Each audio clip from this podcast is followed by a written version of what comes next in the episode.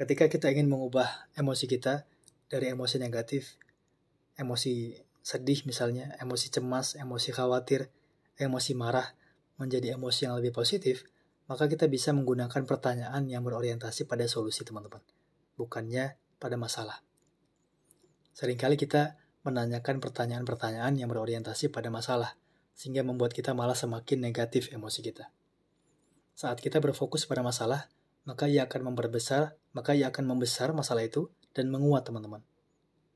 Ada ungkapan mengatakan, ke mana kita fokus, ke situlah kita menuju.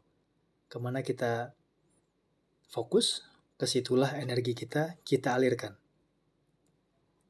Sebaliknya, saat kita fokus pada solusi, kita akan memiliki peluang untuk menyelesaikan masalah kita dengan lebih cepat. Walaupun memang tidak mudah teman-teman, tapi kita bisa biasakan dengan mendisiplinkan pikiran kita untuk selalu fokus kepada hal-hal, kepada solusi, kepada hal-hal positif. Pertanyaan yang mengarah ke belakang, yang berorientasi pada masa lalu, sering kali tidak mengubah apa pun teman-teman. Apa yang muncul adalah alasan dan pembenaran mengapa kita memiliki masalah itu. Dan itu tidak mengubah apa pun. Bahkan bisa jadi pertanyaan-pertanyaan yang berorientasi pada masalah hanya akan mengembalikan kita kepada masa lalu kita, mengingatkan kita lagi mengingatkan kita lagi kepada emosi negatif kita yang dulu pernah kita rasakan. Jadi ketika kita memiliki masalah, daripada kita bertanya, kenapa ya aku yang mengalami masalah ini? Kenapa aku yang punya masalah sesulit ini? Kenapa ini terjadi kepadaku?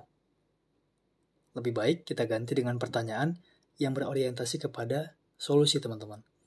Dengan pertanyaan yang dimulai dengan apa misalnya.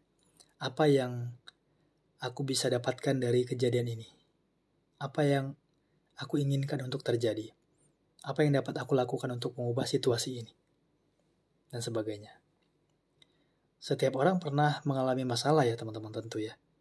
Namun, perbedaan antara orang-orang yang berhasil mengatasi masalahnya dengan orang-orang yang tidak berhasil mengatasi masalahnya, mungkin perbedaannya ada pada pertanyaan yang mereka ajukan kepada diri mereka.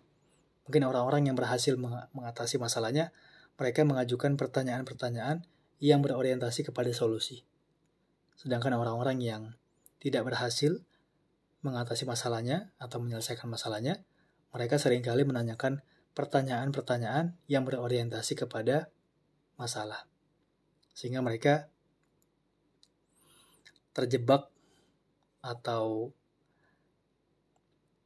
tidak menemukan solusi atas masalah yang mereka sedang hadapi.